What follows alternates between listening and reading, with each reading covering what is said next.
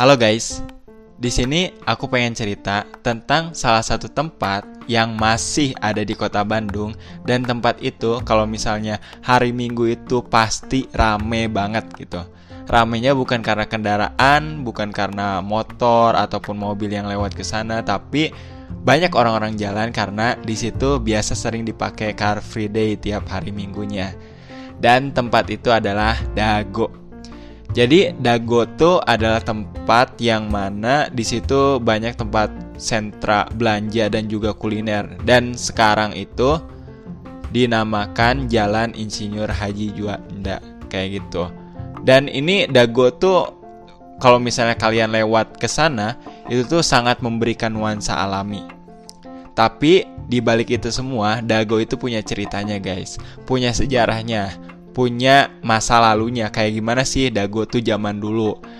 Nah, pada masa kolonial Belanda, jadi kawasan Bandung itu ada kawasan Bandung Utara dan Bandung Selatan.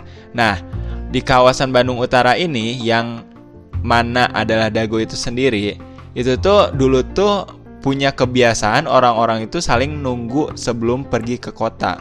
Jadi dari Bandung Utara kalau misalnya mau ke kota itu pasti ngelewatin daerah tempat yang sekarang itu namanya Dago. Kayak gitu.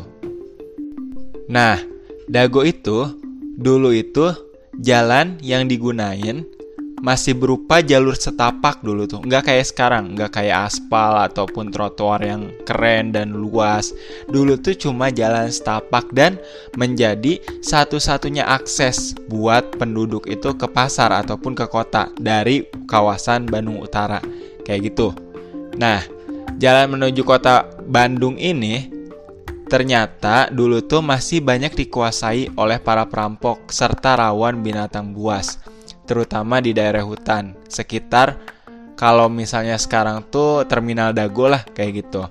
Jadi emang dulu tuh kondisinya nggak kayak sekarang gitu banyak pertokoan, banyak sentra belanja, banyak tempat-tempat kuliner. Dulu tuh emang hutan gitu, hutan lebat kayak gitu. Itu banyak perampokan di sana dan juga masih banyak binatang buas karena saking lebatnya hutan itu tuh. Bahkan dalam sejumlah tulisan Kota Bandung zaman bahula ataupun zaman dulu itu memang banyak ditemuin hewan-hewan kayak gitu. Kayak misalnya badak sampai harimau itu bisa ditemuin zaman dulu tuh dalam beberapa tulisan tuh. Nah, dengan keadaan yang kayak gitu ngebuat penduduk zaman dulu ataupun orang-orang yang mau ke pasar ataupun yang mau ke kota ataupun yang mau pulang ke kawasan Bandung Utara ataupun ke rumahnya masing-masing itu selalu pergi bersama-sama karena alasannya adalah safety, alasannya keamanan. Karena kalau misalnya sendiri-sendiri kan tadi faktornya ada perampok lah, hutannya lebat lah, terus rawan binatang buas lah. Makanya mereka tuh nunggu, saling nunggu dan pergi bersama-sama. Lama kelamaan warga itu biasa untuk saling nunggu di suatu tempat dan kawasannya itu ataupun tempat untuk menunggunya itu adalah di Dago kayak gitu. Nah, Dago ini kalau misalnya dalam bahasa istilah bahasa Sunda itu Dago itu artinya tunggu. Nah, kayak gitu. Jadi dagoan, dagoan, tungguin gitu. Kalau misalnya bahasa Indonesia, kalau bahasa Sunda dagoan kalau misalnya bahasa Indonesia tungguin. Makanya dago, dago, dagoan, dagoan, dagoan berarti jadi dago gitu. Dan lama kelamaan istilah itu ataupun kata itu menjadi tempat ataupun menjadi nama tempat yang nama tempatnya adalah dago gitu. Itu. Nah, sejak dahulu kawasan Dago itu memang jadi kawasan yang cocok untuk jadi tempat peristirahatan. Bahkan pada saat zaman Belanda berkuasa, kawasan itu dijadiin sebagai rumah peristirahatan dan kawasan elit. Nah, pembangunan Dago itu dimulai tahun 1905 oleh Andre van der Brun. Selain rumah peristirahatan, di kawasan Dago juga dibangun Dago Tea House. Jadi Dago Tea House itu tempat yang keren sih kalau menurut aku. Kalian bisa datang ke sana. Kalau gak salah dijadiin ataupun Dagotius tuh kayak tempat-tempat untuk pertunjukan seni dan teater yang kayak gitu-gitu sih tapi aku belum pernah masuk ke dalamnya tapi di sekitar luar aku pernah ke Dagoti House gitu nah pada tahun 1920 sampai 1940 itu pemerintah Hindia Belanda semakin giat ngelakuin pembangunan di kawasan sekitar Dago nah pemerintah Hindia Belanda itu membuat sarana pendidikan kayak misalnya ITB ITB itu dibuat di kawasan sekitaran Dago gitu. Kan kalau misalnya kalian ke Dago ataupun ke Jalan Insinyur Juanda deket ke ITB kayak gitu. Yang dibuka ITB itu sejak 3 Juli 1920 dan menjadi perguruan teknik pertama di Hindia Belanda. Bukan cuma ITB, tapi pembangunan juga SMK Dago.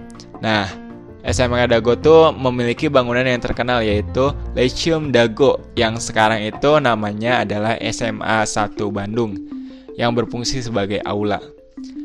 Sebelum namanya Jalan Insinyur Haji Juanda dahulu, jalan tersebut memang bernama Dago Strat. Nah, jalan tersebut tuh dibangun 1915. Nama Dago Strat berubah menjadi Jalan Insinyur Haji Juanda pada tahun 1970. Pada tahun yang sama juga menandakan kalau misalnya kawasan Dago berubah menjadi daerah hunian, menjadi wilayah komersial. Itu. Asalnya banyak rumah-rumah peristirahatan gitu, tapi sekarang udah di expand ataupun udah di convert menjadi wilayah komersial gitu.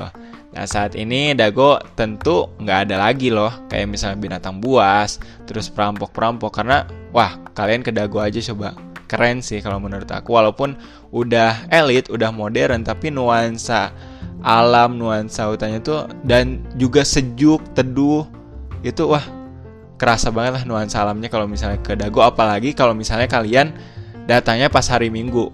Banyak orang-orang di sana Car Free Day ataupun yang aksi-aksi sosial dan banyak kulineran banyak kegiatan-kegiatan seni. Ah banyak yang menarik lah selama Car Free Day itu kalau di Dago itu dan aku ketika kalau misalnya aku lagi di Bandung bahkan nggak jarang ataupun sering juga ke Car Free Day itu karena banyak aktivitas-aktivitas di sana.